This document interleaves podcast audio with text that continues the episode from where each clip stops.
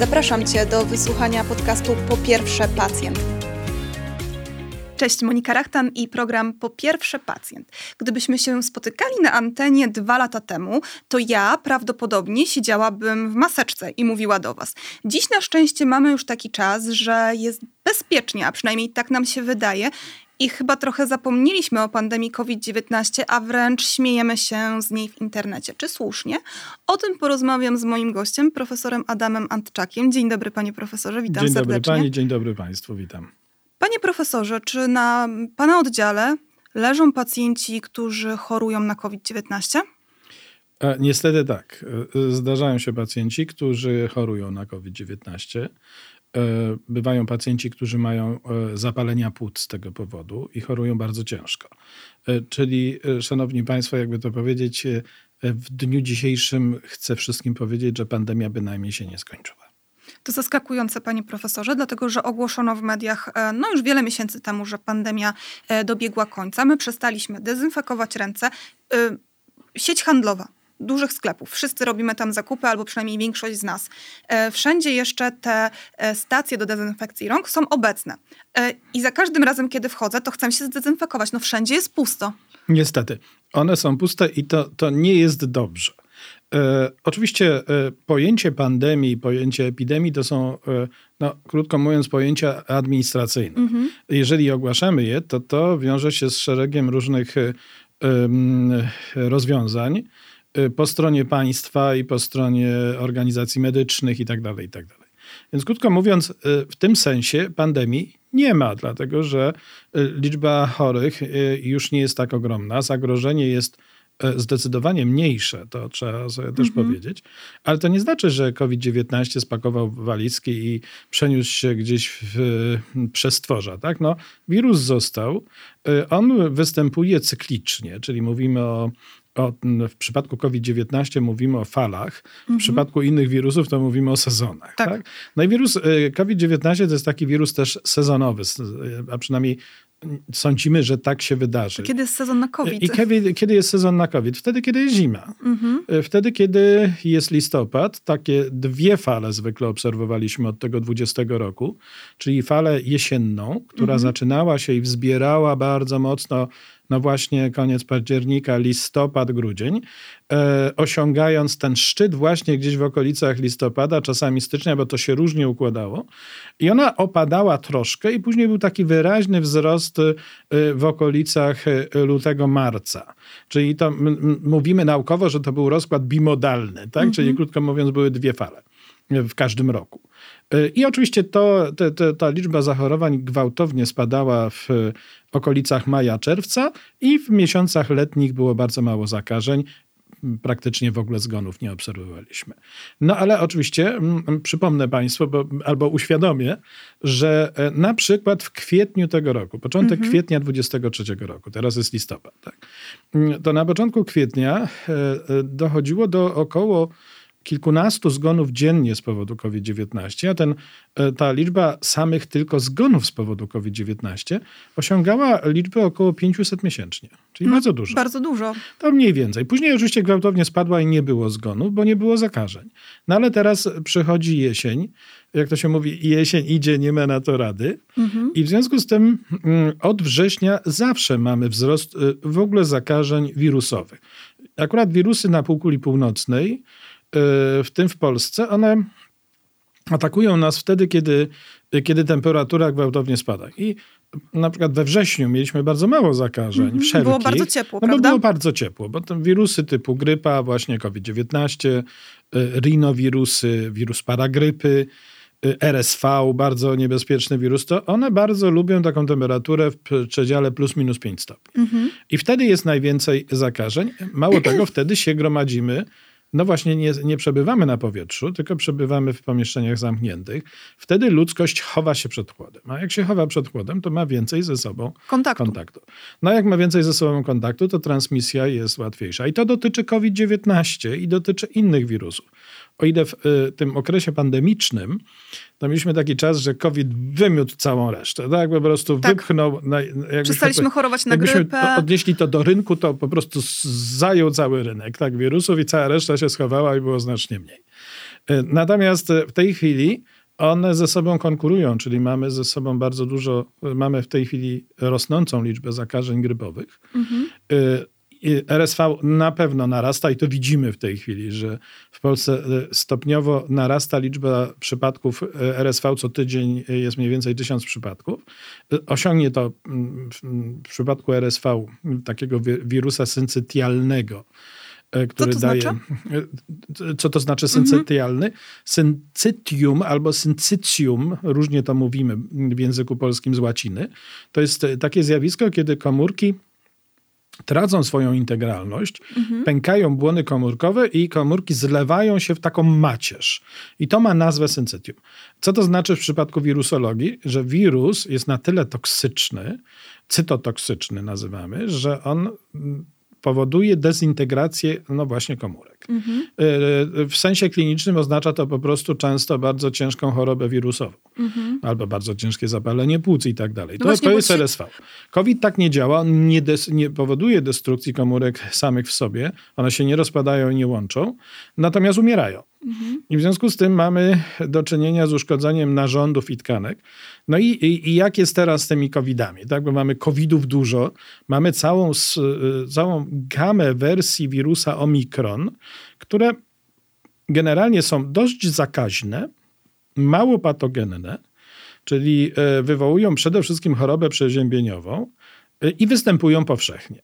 Ta powszechność oznacza, że po prostu wielu z nas już się pewnie znowu kolejny raz zakaziło i miała zwykłą chorobę przeziębieniową, głównie charakteryzującą się takim paskudnym katarem, mhm. gęstą wydzieliną, zatykającą zatoki i przede wszystkim to się mieściło tutaj. Ale oczywiście, jeżeli mamy masowe zachorowania, to zawsze wśród tej masowości jest odsetek osób, które zachorują ciężej.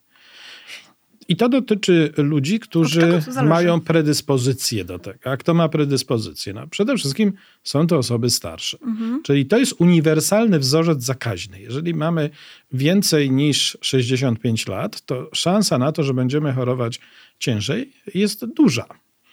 E, tutaj e, chcę powiedzieć, że ta, z, tą, z tym wiekiem podeszłym to jest tak trochę niekonsekwentnie, dlatego że wprawdzie używamy określenia plus, 50, plus 65, plus, mhm. plus 60 często, tak. ale w rzeczywistości a zmiana reakcji na atakujące nas drobnoustroje następuje w wieku około 50 lat. Czyli, Czyli wcale nie u starego człowieka, bynajmniej, tak. tylko bardzo, to młodzi ludzie są. Aktywni zawodowo, 50-latek w dzisiejszych czasach, proszę Państwa, w medycynie współczesnej to jest absolutnie młoda osoba. No, pamiętajmy, że od II wojny światowej, mniej więcej w ciągu ostatnich 80 lat, długość życia, czy oczekiwana długość życia, ona wzrosła niesamowicie. To jest drugie tyle. Mhm. Także, także coś, co historycznie uznawano za granicę starości, czyli 65, przypomnę, że to jest taka historia 130 lat, dlatego że e, to w Niemczech bismarckowskich uznano, że emeryturę będzie się wypłacać ludziom plus 65. Dlaczego tak uznano? Uznano, że jest na tyle mało 65-latków, mm -hmm. bo wszyscy inni już wcześniej zeszli, że nie zrujnuje to budżetu. O, tak? To jest po prostu kwestia umowy społecznej. To nie ma nic wspólnego z biologią mm -hmm. w ogóle. Mhm. Z biologią to jest tak, że e, łatwiej e, zakażemy się od 50 roku życia, ale oczywiście im jesteśmy starsi, tym ryzyko zakażenia i tym ryzyko ciężkiego przebiegu rośnie. I tak, e, jeżeli byśmy wsadzili do jednego warka osoby w podeszłym wieku, nazywamy je, tak? Czyli plus 65, to zupełnie inną biologią charakteryzuje się osoba, która ma 65 lat i jest na przykład w dobrej formie. To może być biologicznie młody człowiek. Zupełnie inną, e, e, zupełnie innym zjawiskiem jest życie człowieka, który ma plus 85 mhm. lub 90 lat, bo to jest zupełnie już inny organizm on jest już e, zużyty, nawet jeżeli jest nie jakiś powichrowany, nazwijmy to współchorobowościami, to, to, to jest osoba, która na pewno jest zdecydowanie gorzej się broni, bo na przykład jej układ immunologiczny się zestarzał. Mhm. Mówimy o, mm, e, jest takie pojęcie anglojęzyczne immunosenescence, co oznacza immunostarość. Mhm. I Krótko mówiąc, tak jak się y, trochę starzeje nasza skóra, pojawiają się zmarszczki, prawda, siwe włosy, albo mężczyźni zwykle łysieją, no to tak się starzeje układ immunologiczny. Osoby starsze zakażają się łatwiej i chorują znacznie ciężej. I to to są przede wszystkim ofiary COVID-19. I teraz jakbyśmy zapytali, a czy jak jest dużo teraz COVID-u i rośnie, tak? Mhm. No bo codziennie jest ponad tysiąc przypadków w Polsce, to czy są zgony? Oczywiście, że są zgony z powodu COVID-19. To nie wyparowało. Podkreślam, COVID-19 nie miał walizek, które mógłby spakować i się mhm. przenieść przez tworze. A czy moglibyśmy pobawić się trochę e, we wróżenie? Jak e, ten, bo zdradził pan profesor, że my rozmawiamy w listopadzie. Pewnie nasi widzowie nasz odcinek zobaczą w grudniu. Mhm. Więc co się będzie działo przed świętami, e, jeżeli chodzi o COVID-19? Czy możemy spodziewać się, że właśnie wtedy będziemy na szczycie tej fali zachorowań? W tej chwili y, y, liczba przypadków rośnie. I ona prawdopodobnie będzie dalej rosła. Tak? Jeżeli w grudniu, to pewnie będziemy mieli więcej jeszcze przypadków niż tysiąc dziennie. Tak? To, to jest mhm. dosyć istotne. Jest też istotną rzeczą to, że wtedy, kiedy się gromadzimy i, i spotykamy, następuje transmisja e, drobnoustroju. W związku z tym no, idealnym czasem do tego, żeby przenieść drobnoustroje w środowisku jest co? Boże Narodzenie. No, oczywiście. I, a, a już y, na przykład noc sylwestrowa i okolice Sylwestra, no to po prostu jest wirusy kochają ten czas. Ale chyba wcześniej w tych sklepach też się wszyscy spotykamy. Chyba... A, a wcześniej jeszcze mamy szał zakupów, mhm. szaleństwo zakupowe, gdzie jest pełno ludzi w sklepach. Tak? I teraz no trudno po tych wszystkich latach e, izolacji, tak, dystansu i tak dalej powiedzieć ludziom, no ale teraz już e, róbcie to samo, tak? bo to nie przejdzie. Mhm. Natomiast to, co możemy robić, proszę Państwa, to możemy używać masek. Czyli dalej warto mieć tą maseczkę w torebce? Absolutnie nawet trzeba mieć e, e, maseczkę. W tej chwili chwili to, co, co robimy w szpitalach. Na przykład reżim szpitalny w tej chwili zakłada, że, e, że wracamy do maseczek. Mhm. Tak, już był taki czas, że e, maseczek nie nosiliśmy. Tak. Ja, ja wprawdzie używam w mojej pracy maseczek wielokrotnie w, w, pracy, ale sam muszę powiedzieć, że w momencie, kiedy przez e, bez mała trzy lata używaliśmy masek w pracy, kiedy szczególnie personel medyczny był zobowiązany do tego, żeby zakładać maski, to przez te lata, bo to są aż lata przecież, tak. Ja przyzwyczaiłem się do noszenia maski, nie przeszkadzała mi. Nawet mogłem ją mieć na sobie kilka godzin, nie zdejmując jej zupełnie. E, natomiast jak już pozwolili. Przez, tak, jak już, już wolno mi było i wiedziałem, że jest to bezpieczne zarówno dla pacjentów, jak i dla mnie, mhm. to nie używałem masek. I teraz powrót do masek, bo wróciłem też w mojej pracy zawodowej, używam w tej chwili masek. Bardzo często pracuję w masce po prostu. No to okazuje się, że coś, do czego byłem przyzwyczajony już w czasie pandemii, no bardzo szybko sprawiło, że się że, że, że zapomniałem o tym i znowu muszę się przyzwyczaić do przykrego e, noszenia maski, bo noszenie maski nie jest przyjemną rzeczą. No, no tak. Ja sam dobierałem sobie e, przez dłuższy czas maski, dlatego że nieprzyzwyczajony do pracy w wielogodzinnym takim ubraniu, to miałem pokaleczoną twarz, nos. Wiecie Państwo, to jest taka kuchnia medyczna. Mało kto wie, jak to, jak to mhm. wyglądało od kuchni, że mieliśmy poranioną głowę, że były odleżyny z powodu masek i tak dalej. Dopiero później nauczyliśmy się używać masek, które były bardzo wygodne. Są w Polsce produkowane maski, które są świetne po prostu. Mm -hmm. Nie tylko bardzo, bardzo wysokiej jakości, ale właśnie przyjazne dla twarzy. Tak? Taki drobiazg, ale wiecie Państwo, jak się maska wrzyna komuś w nos, to to nie jest wcale przyjemne pracować kilka godzin Albo, i tak. zastanawiać się, co mnie właśnie boli na twarzy. Tak? Albo ktoś nosi okulary i niektóre te maski były takie bardzo parujące, że po prostu... Tak. No maski były parujące i zaparowywały. One prawie wszystkie tak działały ale to, to jest przejściowy efekt. Tak, to, można się przyzwyczaić. Można się przyzwyczaić, poza tym to zaparowanie okularów mija. Tak. Natomiast y, sama maska no, chroni nas przed zakażeniem. Jeżeli mamy y, nawet ślad infekcji, proszę Państwa, no warto założyć maskę, e, bo pomyślmy o innych, tak? Pomyślmy właśnie o tych starszych ludziach. Idziemy do sklepu, gdzie e, osoby w każdym wieku robią zakupy. I teraz może, można sobie wyobrazić sytuację tu i teraz, dzisiaj, wcale niekoniecznie historyczną z pandemii, że ktoś idzie do sklepu zrobić zakupy. Jest to starsza osoba, e, która ma jakieś współchorobowości, zakaża się dzisiejszym e, COVID-em, który jest tak jak powiedziałem, on jest zdecydowanie łagodniejszą formą tego wirusa, a zginie dlatego, że rozwinie zapalenie płuc i, i, będzie miał ciężkie powikłanie tej choroby albo zginie w przebiegu zapalenia płuc. Więc zakładając maskę, warto też myśleć o tym, że robimy to dla innych, nie mm -hmm. tylko dla siebie. Czyli odpowiedzialność społeczna, o której tak wiele mówiliśmy no, powiedzmy te dwa lata temu, warto mhm. do niej znowu wrócić. Ja chciałabym zostawić trochę COVID-19 i porozmawiać ogólnie o infekcjach. Nasze babcie, kiedy mm, zaczynał się taki sezon jesienno-zimowy, mówiły kurtkę zapnij pod szyję, załóż czapkę, bo się przeziębisz. E, czy te choroby, takie związane właśnie z kaszlem, z katarem, to jest efekt przeziębiania się, bycia na zimnym powietrzu, czy to też ma wpływ? Czy jednak e, powinniśmy bardziej wrócić do tych rzeczy pandemicznych i zastanowić się nad tą higieną? E, I czy to się tyczy ta higiena tylko COVID-u, ale także innych e, chorób, e, które obecnie pojawiają się w naszym e, społeczeństwie, które zresztą pan profesor wymieniał? Układ oddechowy jest atakowany, y, y, układ oddechowy człowieka jest atakowany przez około 200 różnych wirusów. Także mm -hmm. to jest cała gama różnych drobnoustrojów, które mogą nam zagrozić. E, I tak jak powiedziałem wcześniej, one bardzo lubią temperaturę plus minus 5 stopni. E, I pytanie zasadnicze, z tym przeziębieniem, tak? O co mhm. to chodzi z tym przeziębianiem się? Więc to po pierwsze, e, Właściwie w medycynie nie mamy takiego pojęcia jak, jak przeziębienie, chociaż istnieje tak, tak zwany common cold, czyli mhm. zwykłe przeziębienie. I to jest choroba wirusowa, która przede wszystkim jest wywoływana przez wirusy, które nazywamy rinowirusami. Mhm. To są takie powszechnie występujące wirusy. Głównie atakują, kiedy się robi zmiana z lata na jesień, czyli we wrześniu jest dużo. I każdy to przeżył, taki katar kilkudniowy z takim trochę jestem chory, trochę nie jestem chory, nie najlepiej się czuję, ale pójdę do pracy, bo jednak mogę pracować, czy pójdę do szkoły. No każdy to przeżył.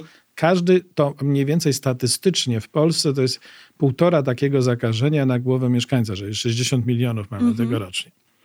I oczywiście to jest coś, co jest całkowicie normą epidemiologiczną. E, i fizjologią. To znaczy, my nie żyjemy w kapsułach i my mamy naturalną skłonność do zarażania się. I każdy z nas przeżył, czy przeżywa w ciągu swojego życia kilkadziesiąt różnych takich infekcji. I one nam generalnie nie zagrażają, chyba że mamy jakieś bardzo poważne współchorobowości i wtedy banalne przeziębienie może być, może być e, niebezpieczne. Teraz nie mylmy, bo warto pamiętać, nie mylmy zjawiska przechłodzenia się mhm. z przeziębieniem. Tak? Mhm. Tak? Przeziębienie to jest infekcja, ba, e, zwykła infekcja wirusowa, zwykła infekcja przeziębieniowa. Przy czym część COVID-u jest dokładnie taka, część przebiegu grypy to też jest, to mhm. też jest choroba przeziębieniowa po prostu. Natomiast przechłodzenie, czyli sytuacja, w której przemarzliśmy, kiedy mhm. Byliśmy eksponowani na niską temperaturę. Tak? I, I, w wyniku tego uważamy, że się, no właśnie, przeziębieliśmy, czyli mamy infekcję. To rzeczywiście przechłodzenie może sprawić, że takie przejściowe gdzieś wystąp, eksponowanie się na niską temperaturę może sprawić, że e, nasz układ odpornościowy zachowa się trochę mniej bym powiedział, y, bojowo i w związku z tym za, zakazimy się. Więc tutaj z tymi temperaturami na zewnątrz trzeba rzeczywiście ostrożnie. To znaczy, jeżeli jest, jeżeli jest bardzo zimno, no to naturalną rzeczą jest e, ochrona środowiska wewnętrznego naszego organizmu, żeby on, on się nie nie, nie obniżyła się temperatura. Tak? To, jest, to mhm. może być niebezpieczne. Już mówimy, już nie mówię o tym, że na przykład takie, takie, takie bardzo głębokie obniżenie temperatury ciała, zjawisko hipotermii mhm. jest skrajnie niebezpieczne dla człowieka i można zginąć z wychłodzenia się właśnie. No ale takie normalne życie nasze na co dzień zimą czy jesienią, no to trzeba generalnie pamiętać o tym, że są e, e, części ciała, które wychładzają się szczególnie chętnie. Jakie Mianowicie głowa i ręce. Mhm głowa i ręce. Tak? W związku z tym trzeba dbajmy o to, żeby zakryć głowę i ręce. Jeżeli jest to jeszcze taka sytuacja, że na przykład jakiś gentleman ma mało włosów albo nie daj Bóg nie ma ich, proszę Państwa, na głowie, to on się będzie szczególnie łatwo wychładzał. Tak, tak jak będzie się przegrzewał latem. To jest mhm. dokładnie w drugą stronę. Tam, gdzie jest wysoka temperatura, też musimy chronić głowę, dlatego żeby no właśnie się nie, nie z kolei nie przegrzać. Więc tutaj, y, y, tutaj trzeba zachować zdrowy rozsądek. Czy to oznacza, że mamy się y, opatulić w 10 warstw różnych rzeczy? Oczywiście nie. Bo to przegrzanie też nie jest Bo dobre. Bo przegrzanie też nie jest dobre i to czasami widuje e, raz u pacjentów, ale widuje to często w przypadku takich nadtroskliwych opiekunów dzieci, że te dzieciaki mhm. opatulają w jakieś niestworzone ilości ubrań y, na cebulkę ubierają wtedy, kiedy wcale nie jest jakoś bardzo zimno. Mhm. I to jest też bardzo niezdrowa rzecz. Człowiek powinien zachować komfort termiczny. Mhm. Tak? Czyli powinno, powinno nam być ciepło. Po prostu. Każdy ma inną granicę tego komfortu termicznego. Niektórzy wolą troszeczkę chłodniej, inni wolą troszeczkę cieplej, ale to jest, no, zachowajmy tu zdrowy rozsądek jak we wszystkim.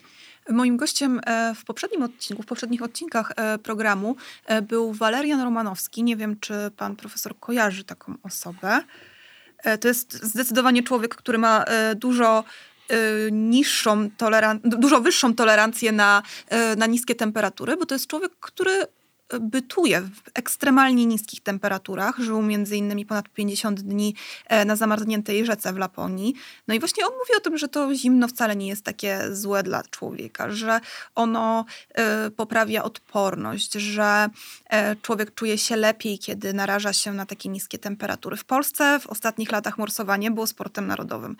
Co pan profesor o takich ruchach sądzi? Y, y Pamiętajmy, to jest bardzo indywidualne. No, morsowanie samo w sobie na pewno nie jest szkodliwe i to jest krótkotrwałe eksponowanie się na niską temperaturę na pewno nie przynosi żadnego, e, żadnej ujmy naszemu organizmowi. Podkreślam, e, dotyczy to osób zdrowych. Mhm. Jeśli mamy choroby przewlekłe układu oddechowego, to wtedy nie będziemy czegoś takiego e, polecać, bo być może ten skutek takiego morsowania będzie odwrotny. A teraz co do tolerancji temperatury no, tym się różnimy między sobą. Tak? Ludzie biologicznie są różni. Jedni lubią temperaturę wysoką, inni znakomicie się czują w niskich temperaturach. No ja, ja mogę powiedzieć o sobie, mm -hmm. tak? bo to no jest też to, to, to, to, tutaj moje doświadczenie z niską temperaturą. Otóż przez długie lata y, mieszkałem w Łodzi, bo jestem łodzianinem, mm -hmm. i mieszkałem w kamienicy. Tak? I ta kamienica była, e, miała grube mury, była w centrum miasta i e, to mieszkanie, które zajmowałem, charakteryzowało się jedną rzeczą, że ono było potwornie zimne zimą. To znaczy nie dawało się tego mieszkania właściwie jakoś sensownie ogrzeć. I ja spędziłem w tym mieszkaniu długo, długo, długo. Mieszkałem prawdopodobnie, myślę, że z dwadzieścia kilka lat. Mhm. Jako, jako dziecko, jako młody człowiek, no później, później wyfrunąłem z gniazda.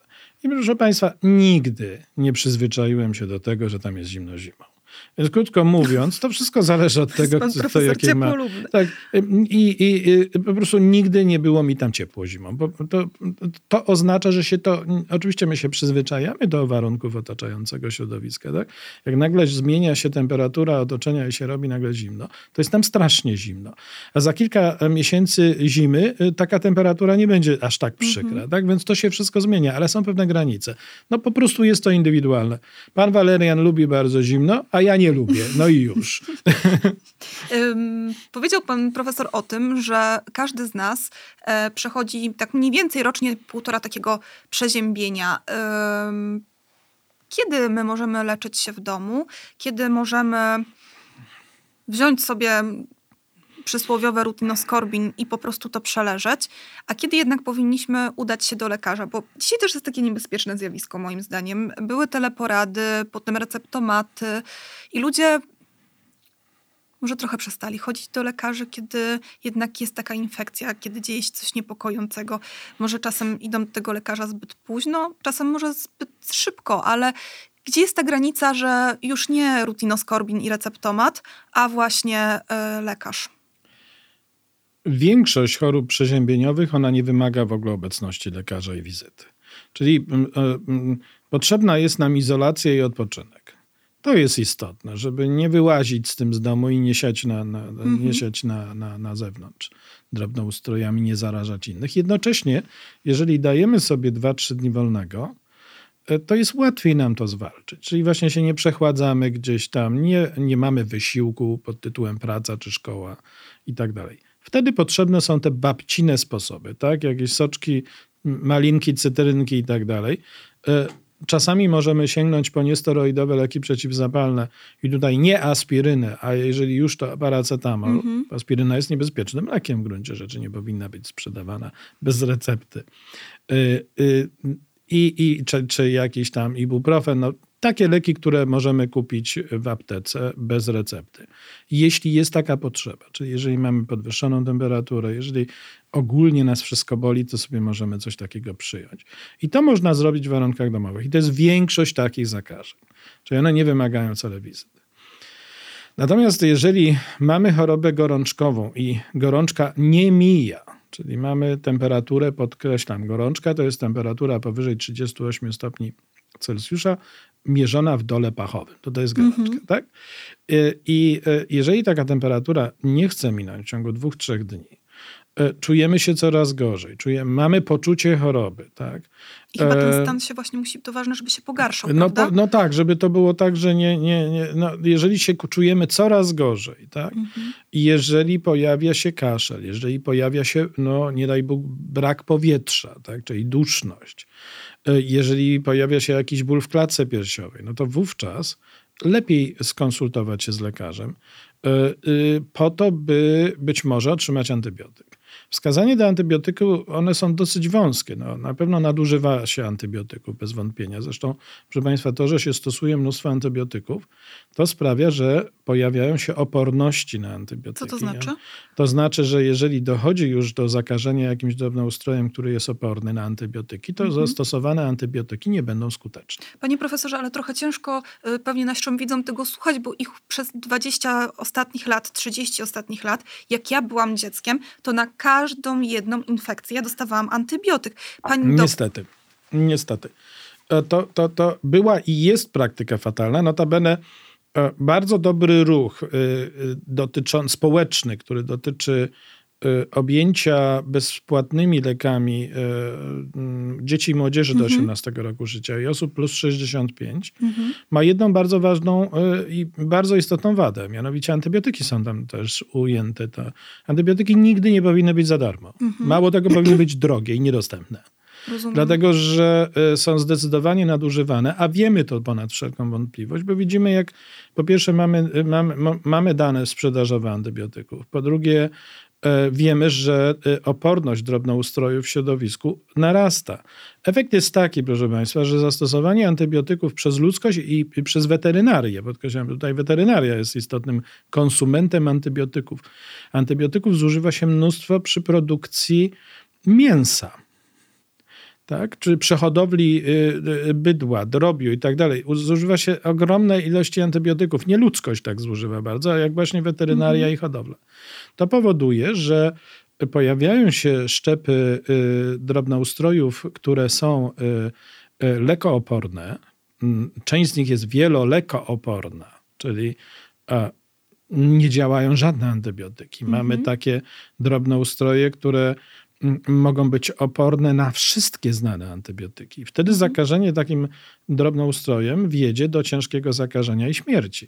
Wiemy, mhm. wiemy to, że w ciągu najbliższych mniej więcej 20 lat zginie na świecie z powodu tylko lekooporności, czyli mhm. zarazi się drobnoustrojem opornym na antybiotyki około 10 milionów ludzi i umrze z tego powodu. Czyli czeka nas taka pandemia, jak ta pandemia, którą... Nie, to nie, bo to jest roz, rozciągnięte w czasie i będzie niezauważone przez ludzkość, proszę mhm. Państwa, ale to nie znaczy, że jeżeli jest coś niezauważone przez ludzkość, to, to, to nie, nie jest, nie, e, że to tego nie ma. Nie wystarczy nie nazywać czegoś, żeby to nie istniało. No, mhm. Ostatnio mieliśmy, przerabialiśmy to. W ciągu ostatniego, nie wiem, pół roku w polskich mediach właściwie o covid się prawie nic tak. nie mówi. A to nie znaczy, że go nie ma. I to nie znaczy, że ludzie nie chorują i nie umierają. Mhm. Tak? Nie wystarczy nie mówić, żeby nie było zjawiska. Ja wrócę jeszcze do tych antybiotyków, no bo Panie profesorze, jeżeli pan profesor siedzi przede mną i jest przedstawicielem e, lekarzy, zawodów medycznych, to przecież antybiotyk jest na receptę nadużywamy antybiotyków, to lekarze nie mają świadomości, że tak się dzieje. Czy coś, co jest nie tak, że te recepty są wypisywane? To jest bardziej złożona historia. Mianowicie, po pierwsze, no niewątpliwie część e, tak zwanych perskrypcji, to się mówi, czyli wypisanych antybiotyków jest wypisana całkowicie w uzasadniony sposób. Mhm. Czyli było wskazanie do zastosowania antybiotyku. Tak? Natomiast y, y, też w, w Polsce, ale i nie tylko w Polsce, tak? jest taka potrzeba, żeby pójść do doktora i dostać no, jakąś e, receptę, jeszcze najlepiej na silny antybiotyk, tak, jakiś silny antybiotyk. Masz wtedy poczucie, że jesteśmy e, lepiej leczeni. Tak, jesteśmy, mamy poczucie, że jesteśmy leczeni i że jesteśmy dobrze leczeni. A to wcale nie musi oznaczać, że jesteśmy dobrze leczeni, dlatego że, proszę Państwa, podstawowym E, podstawowym przeciwwskazaniem do zastosowania leków jest brak wskazania. Więc jeżeli dostajemy lek bez wskazania, to to nie jest nic dobrego dla nas. Przeciwnie, to jest coś, co może nam szkodzić. Pamiętajmy, że antybiotyki, jak każde działające leki, mają działania niepożądane. I one mogą być fatalne dla nas też. W związku z tym y, y, y, trzeba się głęboko zastanowić, czy na pewno warto ten antybiotyk przyjąć.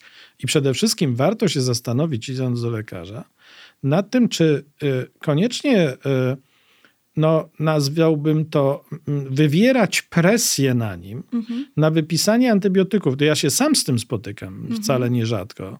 Czyli Chociaż jest przychodzą, mówią, I, że... I wręcz mówią mi, co ja mam zrobić. No ja generalnie y, na, na, na tyle długo pracuję, że umiem sobie z tym poradzić, proszę Państwa. Więc krótko mówiąc, jestem dość oporny na, na wywieranie presji, ale to nie znaczy, że całkowicie oporny. Czasami jestem w stanie się złamać, jeżeli widzę, że presja jest szalona, a jednak może gdzieś tam jest cień wątpliwości że, co do zastosowania. Mm -hmm. Tak, to oczywiście też tak się zdarza, ale pamiętajmy, że mm, e, żeby no, nie wchodzić w role, które nie są nam przypisane. Tak? Jeżeli mamy rolę pacjenta, to jest rola pacjenta. Jeżeli to jest rola lekarza, to jest rola lekarza. Tak? Czasami warto posłuchać tego kogoś, kto mówi, proszę pana lub proszę pani, nie ma pani wskazania w tej chwili do antybiotyku i wcale nie przyniesie pani efektów. Jaki jest sens przyjąć antybiotyk, kiedy mamy infekcję wirusową i antybiotyk w ogóle nam nic, niczym nie pomoże. Wprost przeciwnie, wybije nam drobnoustroje, które żyją w naszym układzie pokarmowym. Pamiętajmy, że nasz układ pokarmowy jest skolonizowany całą bardzo misterną, misterną mieszanką drobnoustrojów, o tak bym to powiedział. No, w nas, w człowieku w ogóle takim mniej więcej 70-kilogramowym, żyje około 1,5 kg bakterii. Mhm. E, I bardzo wiele z tych bakterii jest nam bardzo potrzebnych. Bez nich nie ma wchłaniania pokarmów, różnych substancji odżywczych, bez nich nie ma wchłaniania witamin. E, mało tego, e, uważa się, że ten mikrobiom, który nazywamy taki, no właśnie ten zespół bakterii, które z nami, drobnoustroju, które żyją, on odpowiada za naszą odporność właśnie, odpowiada za e, dobrostan, jeśli chodzi o wchłanianie mm, składników pokarmowych. Ma, bo on odpowiada wręcz za na przykład stan naszego umysłu często. To okazuje się, że to jest bardzo złożone. I teraz bez sensu przyjmujemy antybiotyk. Co robimy z naszym mikrobiomem? Szkodzimy mu uszkadzamy go, niszczymy go. I zanim odbudujemy, mija czas. I teraz jest taka sytuacja, i są takie bakterie, które na przykład bardzo lubią wykorzystać ten moment wyczyszczenia układu pokarmowego z właściwych bakterii drobnoustrojów. I atakują... I atakują. Na przykład jest taka bakteria Clostridium difficile ona się nazywa. Czyli trudne Clostridium. Tak, trudne. Difficile to jest trudne po łacinie. I teraz ale skąd ta nazwa deficile? Mhm. Tak? Że to, skąd jest to Clostridium trudne? Tak? Dlatego, że ono wywołuje bardzo ciężkie biegunki. Mhm. E, I właśnie pojawia się po antybiotykoterapii, czyli jest nadkażeniem bakteryjnym po wy, wy, wy, wybiciu drobnoustrojów z układu pokarmowego. I teraz wyobraźmy sobie, że to jest osoba starsza, mhm, tak. gdzie czasami wahnięcie się e, płynów ustrojowych w objętości szklanki może kosztować życie. Mhm. Tak? I, I, krótko mówiąc, podanie antybiotyku, które było podane, zakładam w dobrej wierze, ale być może niepotrzebnie, tak? może być takim skutkiem. Tak? Już nie mówiąc mhm. o tym, że ta drob, część drobnoustrojów znowu będzie nabywała zdolności radzenia sobie z antybiotykiem. Bakterie są niesamowicie, e, że tak powiem, e, świetnie się adaptują do środowiska i nabywają. Bardzo. Tak, są inteligentne bardzo i, i potrafią nabywać zdolności radzenia sobie z antybiotykami. I wtedy, mhm. kiedy ktoś naprawdę jest bardzo ciężko chory, ma zapalenie płuc wywołane przez drobnoustroje, które są oporne, nie może dostać antybiotyków, które by były skuteczne. Mhm. Tak? I, I, w związku z tym efekt będzie od, zupełnie odwrotny. Więc naprawdę nie przyjmy do przyjmowania antybiotyków. E, e, dobrą stroną, dobrą stroną pandemii było zmniejszenie liczby infekcji. Mhm. Za tym poszła zmniejszenie y, y, y, liczby opakowań antybiotyków wypisywanych. I e, no, posłużę się swoim przykładem, bo to jest najłatwiejsze. Mhm. Między marcem roku 20 a marcem 21 roku, jako aktywny cały czas lekarz, bo ja właściwie cały czas pracowałem, nie, nie, zmniejszyłem liczby pacjentów, którą oglądałem. Notabene robiłem to nie przez telefon i nie robiłem tego przez internet, tylko tak. przyjmowałem, po prostu zabezpieczone odpowiednio ale wypisałem 20 razy mniej antybiotyków. To niesamowite, ogromna 20 liczba. 20 razy mniej antybiotyków, dlatego że infekcji prawie nie było. Ale też... Bo maski, dezynfekcja, dystans sprawiały, że infekcji innych nie było. Ale też y, COVID-19 to jest infekcja wirusowa. Na którą nie stosuje się antybiotyków. Bardzo bym chciała, żeby to wybrzmiało. A, y, na żadną infekcję wirusową nie stosujemy antybiotyków, bo one nic nie dadzą. Mhm. Więc krótko mówiąc, podawanie infekcji, w infekcji wirusowej, kiedy nie mamy żadnej ropnej wydzieliny, kiedy nie mamy tylko stan podgorączkowy, kiedy, albo nawet gorączkę, ale na przykład nasze wydzieliny są przezroczyste, tak mamy przezroczysty karszel, jeżeli nam się odkrztusi, to to też jest białe, przezroczyste. No nie ma sensu stosować antybiotyków. To nie mhm. tylko nie pomoże, ale nam szkodzi po prostu. I to dotyczy COVID-19, to dotyczy y, grypy, to dotyczy rinowirusów i wszelkich innych wirusów. Pamiętajmy, że większość zakażeń jesiennych właśnie to są zakażenia wirusowe. To jest mhm. większość, większość to jeszcze zapytam w imieniu niedowiarków. Załóżmy, że e, obraz kliniczny, czyli te objawy, o których powiedział e, pan profesor, wskazują na infekcję wirusową i mój lekarz podstawowej opieki zdrowotnej, do którego się zgłosiłam, bo bardzo się obawiałam o swoje zdrowie, powiedział: Nie, nie, nie, pani Moniko, proszę być spokojną, to jest na pewno infekcja wirusowa. Ale ja temu lekarzowi nie wierzę, bo mam jakieś przeczucie, że to jest jednak infekcja bakteryjna. Czy jest jakiś test, e, jakieś badanie, które pozwala zweryfikować, czy mamy do czynienia z infekcją wirusową, czy mamy do czynienia z infekcją infekcją bakteryjną, żebyśmy nie musieli wierzyć słowom lekarza, tylko żebyśmy mieli potwierdzenie w wyniku badania. Po pierwsze, badania pokazują, że zaufanie do lekarza podstawowej opieki to jest jedno z, z, z ważniejszych zau- y, y, z, takich zjawisk zaufania w ogóle mm-hmm. w mhm. naszym społeczeństwie. Czyli jeżeli, już, jeżeli już Polacy komuś wierzą, to lekarzowi podstawowej I farmaceucie. I farmaceucie. Zresztą oni są świetnie przy, tak. przygotowani do pracy, świetnie wykształceni. Jestem wielkim fanem aptekarzy. Ja też bardzo. Absolutnie. E, natomiast e, teraz, e, no trudno mieć przeczucie, że to są bakterie. Wiecie Państwo, no można mieć przeczucie, przeczucie, że będzie się coś wydarzy, tak okej. Okay. Ale żeby mieć przeczucie co do tego, że to jest bakteria, to, to, bym, to nie umiem sobie tego wyobrazić. No ale powiedzmy, że y, mam y, no, myślenie, że czy na pewno ma rację. Tak? Mhm. Oczywiście nie każdego wirusa, nie, nie, jesteśmy w stanie tu i teraz zbadać natychmiast, czy to, są, czy to jest bakteria, czy wirus. To po pierwsze. Mhm.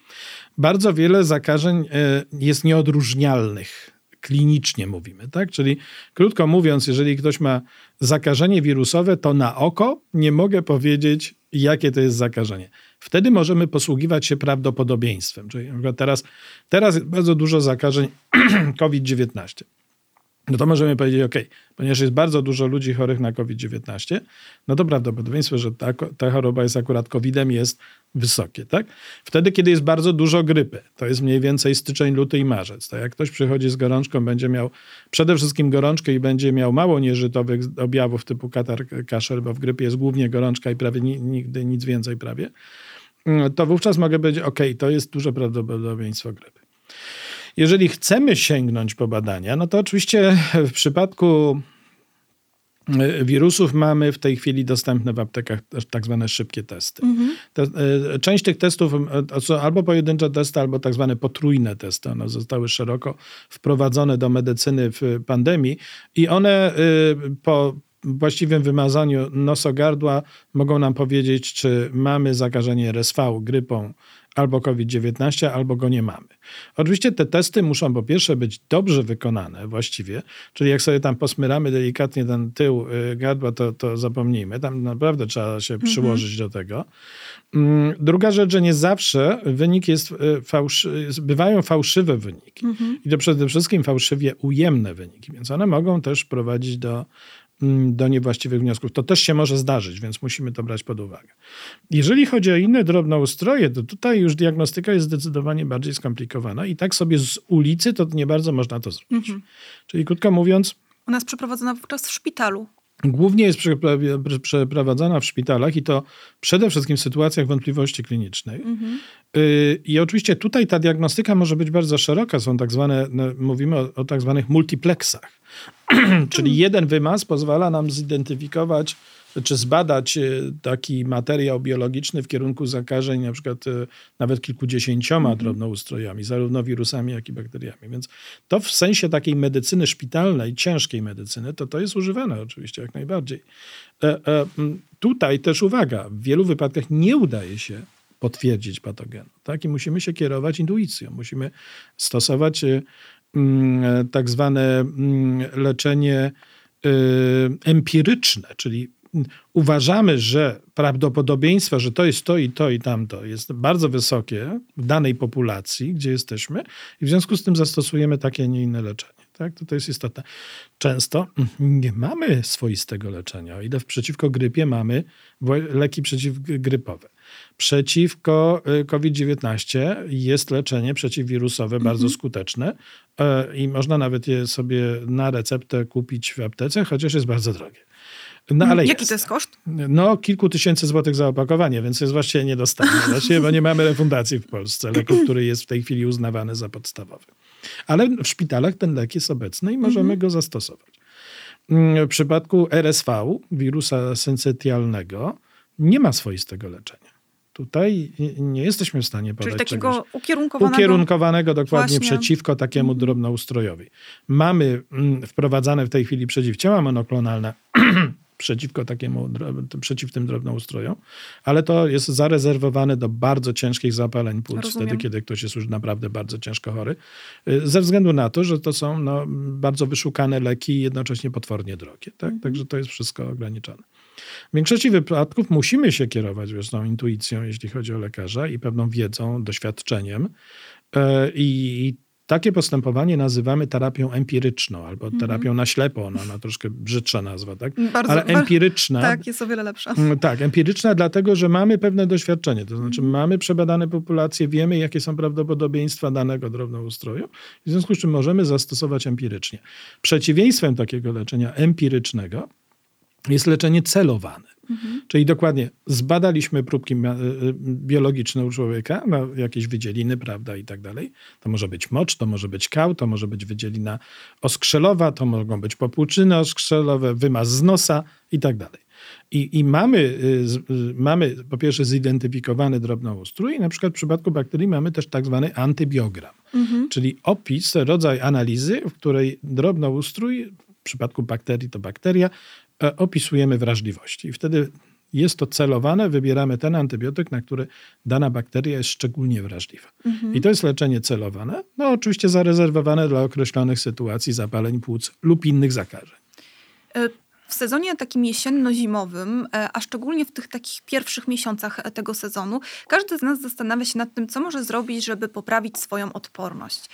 Czy te wszystkie rzeczy, które są nam pokazywane w telewizji, internecie i we wszystkich innych miejscach, w których są prezentowane, na poprawę, budowanie odporności. Czy one w ogóle działają? Czy mamy jakieś takie e, przebadane e, metody, które są faktycznie w stanie e, zbudować nam tą odporność, polepszyć nam ją, poprawić na przykład w przeciągu czterech tygodni? Żeby wytworzyć odporność na drobnoustroje, trzeba stosować szczepionki. No I szczepienia są najważniejsze. Ale zanim będę mówił o szczepieniach, mm -hmm. to powiem o tych takich różnych sposobach tam fakirskich, nazwijmy to. No więc część y, y, reklamowanych preparatów y, w mediach y, nie ma nic wspólnego z jakąkolwiek poprawą. To jest zupełnie bez sensu. Albo na przykład leki przeciwgrypowe, które są y, często reklamowane jako, mhm. jako, podkreślam w cudzysłowie przeciwgrypowe, to nie mają nic wspólnego z leczeniem grypy. Mhm. No więc są pewną manipulacją medialną, po to i, me, i, i manipulacją rynkową. Tak? Mhm. To znaczy przekonaniem y, konsumentów, żeby kupili coś, co w rzeczywistości nie przyniesie im y, spodziewanego efektu.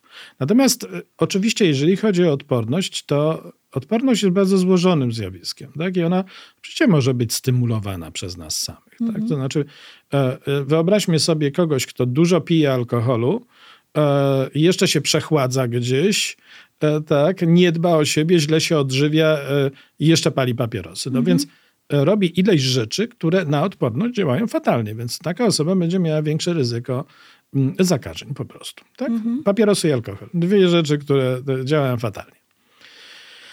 Y, odwrotnością jest tak zwany zdrowy tryb życia, tak? Mhm. zdrowy styl życia. Tak? Czy mówimy też, mamy pojęcie takie medycyna stylu życia. Tak? To, to tak. jest coś, co jest taka układanka, która sprawia, że będziemy żyli dłużej i lepiej i zdrowiej. Tak? I w ramach tej układanki no mamy oczywiście dietę, mamy, pamiętajmy, żebyśmy jedli na przykład dużo warzyw i owoców, przede wszystkim warzyw, I na przykład, Jak to robić w tym sezonie zimowym? No, no, no, no mamy warzywa, wybierajmy warzywa wysokiej jakości. Tak? No, mamy mnóstwo różnych warzyw, które są eko. Mhm. Tak? To jest zupełnie coś innego niż taka masowa produkcja warzyw, gdzie tam jest pełno różnych polepszaczy tak? I, i, i nawozów. E, na pewno y, y, pokarmy, które mają dużo y, kwasów omega-3, mhm. czytaj ryby. tak. No to, to jest niesamowicie ważne. Ale na przykład aktywność właśnie fizyczna, aktywność intelektualna, no właśnie unikanie nadmiaru alkoholu i niepalenie. I to mhm. nie palenie nie papierosów, tylko w ogóle nie palenie czegokolwiek. Tak? Mhm. papierosy są tutaj też, no, to jest przykład totalnego zawłaszczenia wyobraźnią ludzkości przez y, niestety producentów. Tak? wmawiają, że to jest alternatywa. Nie ma alternatywy. Mhm. To tak jakby była alternatywa dla ciąży. No, dla ciąży nie ma alternatywy. Albo jesteśmy w ciąży i chcemy być, albo nie jesteśmy. Tak? Mhm. I koniec. Tu nie ma alternatywnej, yy, alternatywnego zjawiska, które zastąpi. I podobnie jest z paleniem. Po prostu jeśli palimy, to sobie szkodzimy. Koniec, kropka.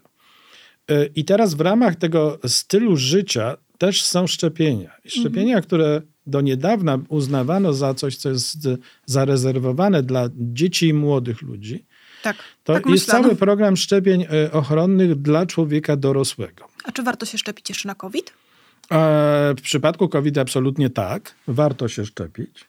Jeżeli jesteśmy osobą, która jest plus 60, jeżeli mamy współchorobowości, a jesteśmy też młodsi niż ten, to, to, to warto.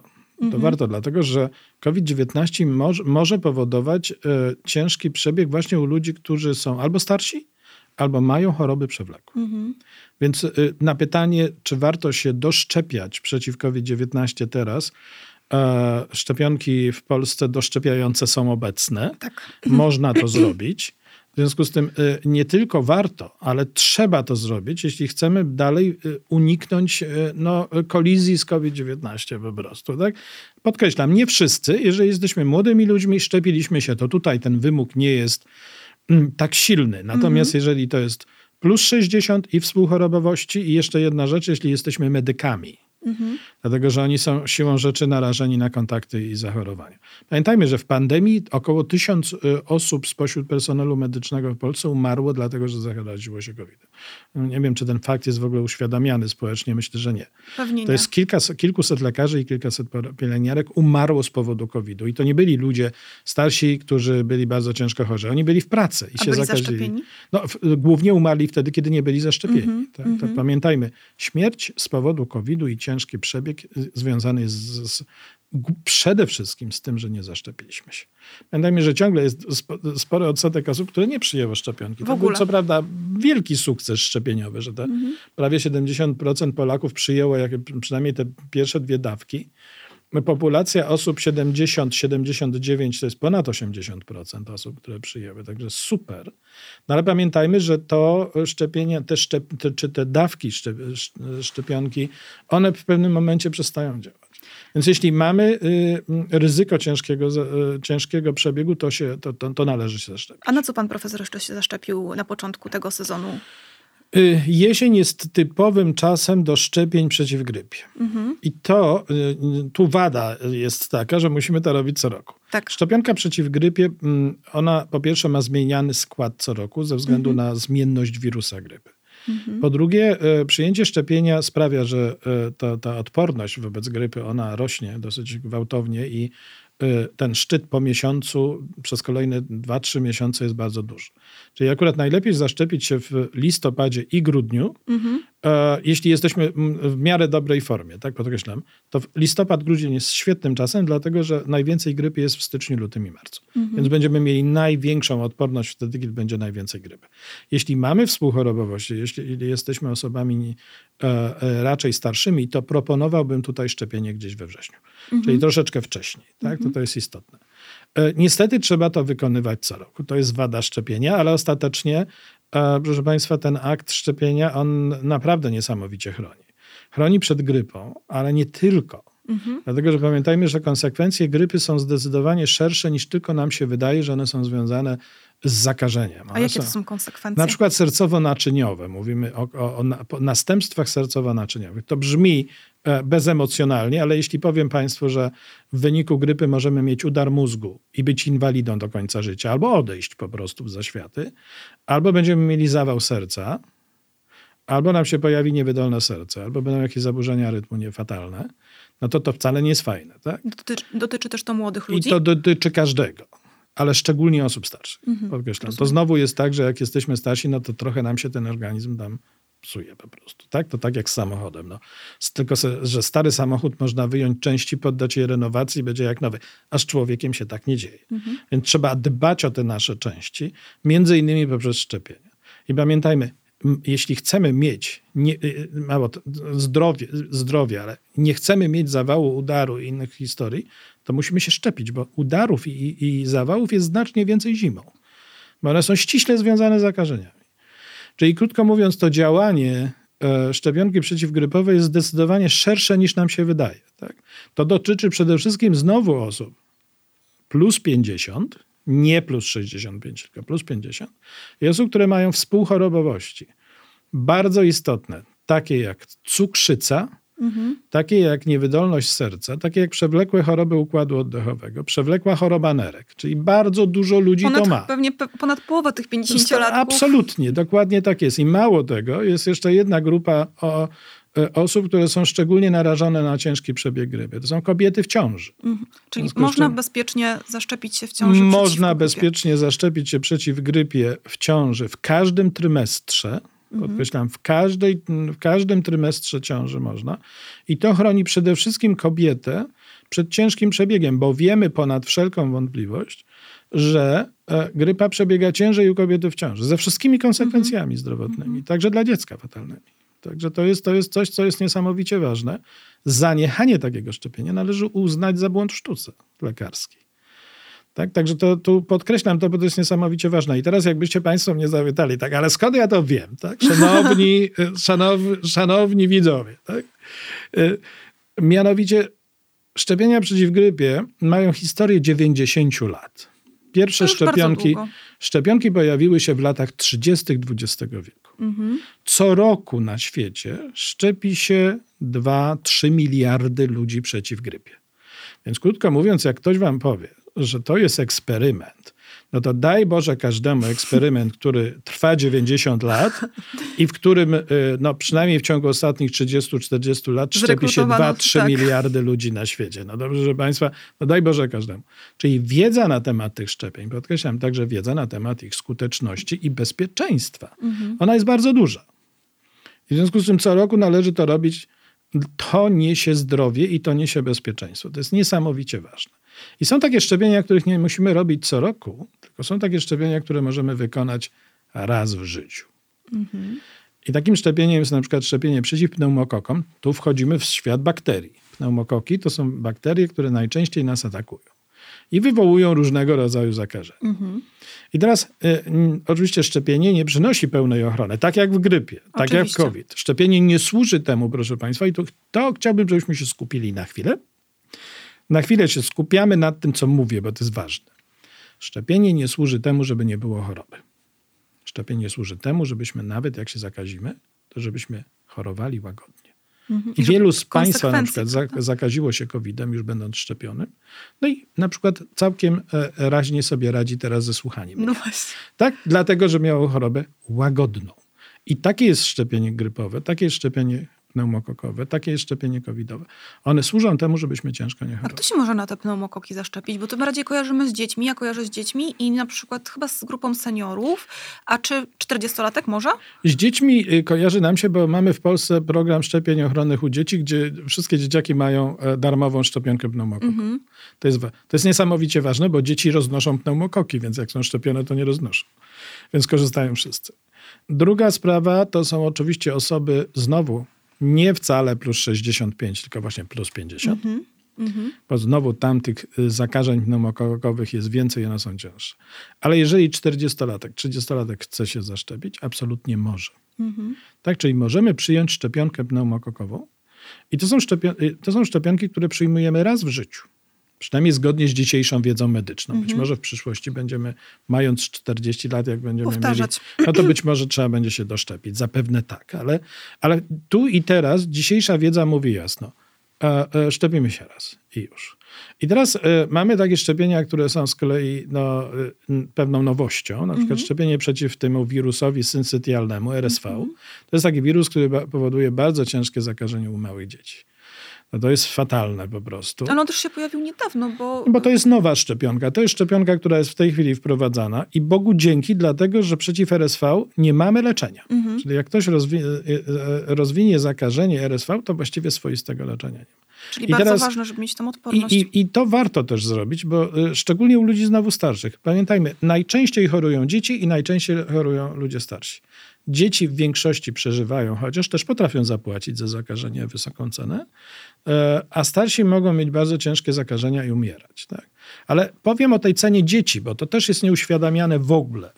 Mianowicie ciężkie zakażenie u dzieci to jest często zakażenie, które wiąże się z przebiegiem, który dotyczy ośrodkowego układu nerwowego, czyli mózgu, opon mhm. mózgowo-rodzeniowych itd. Tak I teraz dziecko zachorowało ciężko, bardzo ciężko chorowało, przeżyło, wyszło, zapomnieliśmy o całej tej historii. Ale jego mózg nie zapomniał, bo był częściowo uszkodzony. I to często to, to, to nazywamy to po angielsku, jest takie pojęcie minimal brain damage, czyli mhm. minimalnego uszkodzenia mózgu. A jakie są konsekwencje potem w dorosłym Konsekwencje są bardzo poważne, dlatego że takie dziecko często osiąga gorsze efekty w szkole. Czyli czytaj, jego cena będzie, mhm. cena będzie wysoka, dlatego że ono może nie mieć trudności szkolne, może gorzej zdać maturę, może mieć trudności z dostaniem się na studia, albo ze studiowaniem, albo uczeniem się. Czyli proszę Państwa, to o czym mówię, to jest niska cena. Nie, no bardzo to jest dramatyczna tak. cena, tak? Starsi chorują bardziej e, spektakularnie i umierają. I to do nas dociera, tak? Bo Boże, ktoś ciężko chorował i zginął. Y, te choroby u dzieci, one są nawet jak ciężkie, to gdzieś tam się później to roz, rozchodzi, ale cena może być wysoka właśnie ze względu na to. Więc tutaj o dzieci też trzeba dbać. I, e, e, naprawdę nie pojmuję zupełnie, jak można nie zaszczepić swoich dzieci e, przeciw e, wszelkim chorobom w ramach programu szczepień obowiązkowych, twierdząc, że jest eko. To nie jest żadne eko i to nie jest żadna mądrość, tylko skrajna nieodpowiedzialność. Podkreślam, bo jeśli ktoś dorosły nie chce się zaszczepić, podejmuje decyzję, mam nadzieję, że świadomo, jeżeli decydujemy o małym człowieku, to 10 razy pomyślmy, czy na pewno mhm. dobrze robimy. Tak, bo to jest nasza odpowiedzialność. Y, panie profesorze, y, partnerem mojego programu jest Instytut Praw Pacjenta i Edukacji Zdrowotnej, y, który wiele mówi o humanizacji medycyny. A co pan profesor by o niej powiedział? Może właśnie w kontekście szczepień i tej odpowiedzialności społecznej. Pamiętajmy, że mm, przeważnie, a właściwie zawsze, tak, nie żyjemy dla siebie. Człowiek żyje w kontekstach. E, I bardzo istotnym kontekstem jest kontekst rodzinny, kontekst społeczny naszego życia. I teraz, e, jeżeli byśmy spojrzeli na ten kontekst poprzez kontekst dodatkowy zdrowotny, to pamiętajmy, że nasze zdrowie to nigdy nie jest nasza prywatna sprawa. Dlatego, że jeżeli e, mamy na przykład zakażenie i wychodzimy gdzieś w świat, mamy kontakty z innymi, to oni mogą być naszymi ofiarami. Dlatego, że my nie pomyśleliśmy o tym, że ich zarazimy, a oni na przykład są chorzy na coś, o czym my nie wiemy, bo nie musimy wiedzieć. Na przykład na raka. Na przykład na raka. I jadą tramwajem, wracają z chemioterapii na przykład zwracają z chemioterapii i jadą tramwajem, dlatego że ich nie stać na taksówkę albo nie mają samochodu. Mhm. Takie rzadkie. Tak, a teraz my jesteśmy chorzy i uznaliśmy, że a co mi tam, bo mi się nic nie stanie, tak? To pomyślmy, że, że się stanie. Tak, bo możemy poczęstować kogoś. Tutaj ta odpowiedzialność za innych jest bardzo istotna. E, tutaj jest ta maseczka, e, o której tak mówiliśmy, że tak nie lubimy masek. Jeżeli już jesteś zainfekowany, to załóż tą maskę i pomyśl o tym, że możesz kogoś nieznajomego, zupełnie obcego sobie człowieka poczęstować śmiercionośnym drobnoustrojem, który dla ciebie e, e, jest nie, niebezpieczny, nie jest niebezpieczny i prowadzi do choroby przeziębieniowej, ale u tego kogoś, kogo spotkasz, może będzie źródłem cierpienia i śmierci. Tak, albo, albo cierpienia po prostu. Tak? Pomyślmy o tym, że nie jesteśmy, nie jesteśmy sami na ziemi. I że o, o, dbając o swoje zdrowie, dbamy wprawdzie bardzo ważne o swoje zdrowie, bo ono jest najważniejsze. Tak? Człowiek, ma, człowiek powinien e, e, dbać o swoje zdrowie. Nie zabijaj. To jest tak, że nie zabijaj siebie. Tak? Odwrotnie parafrazując to, dbaj o swoje życie, ale także dbaj o innych. Tak? To nie jesteś sam na świecie. Mm, na początku naszej rozmowy zaczęliśmy od tego, że pandemia COVID-19 dalej jest z nami. Potem pan profesor powiedział o maseczkach, a na końcu powiedział o takim zachowaniu, które w pandemii mi się bardzo podobało, bo my właśnie byliśmy świadomi, my nie wychodziliśmy, przynajmniej większość z nas, tak, e, odpowiadała na te apele o izolację, o to, żeby być odpowiedzialnym za inne osoby, aby zaszczepić się, bo jesteśmy odpowiedzialni. I chyba czas po tym roku wakacji od pandemii przypomnieć sobie o tej odpowiedzialności, e, zastanowić się, czy możemy coś zrobić, żeby chronić siebie, ale też, żeby chronić naszych bliskich, ale też, żeby chronić tą przypadkowo spotkaną w autobusie kobietę, która wraca z chemioterapii. Panie profesorze, bardzo dziękuję za tą dzisiejszą rozmowę, bardzo pouczającą. Mam nadzieję, że nie tylko dla mnie, ale też dla naszych widzów. Bardzo dziękuję, że przyjął Pan zaproszenie do mojego programu. Bardzo dziękuję Pani i bardzo dziękuję Państwu. Pamiętajmy, że Państwa nie jesteśmy samotnymi wyspami. I po to, żeby otoczenie, ale także my, żebyśmy żyli lepiej, e, to warto sięgnąć po szczepionki, bo one niosą ze sobą dłuższe, lepsze, zdrowsze życie. Bardzo dziękujemy Państwu za uwagę i jak zawsze życzymy dużo zdrowia.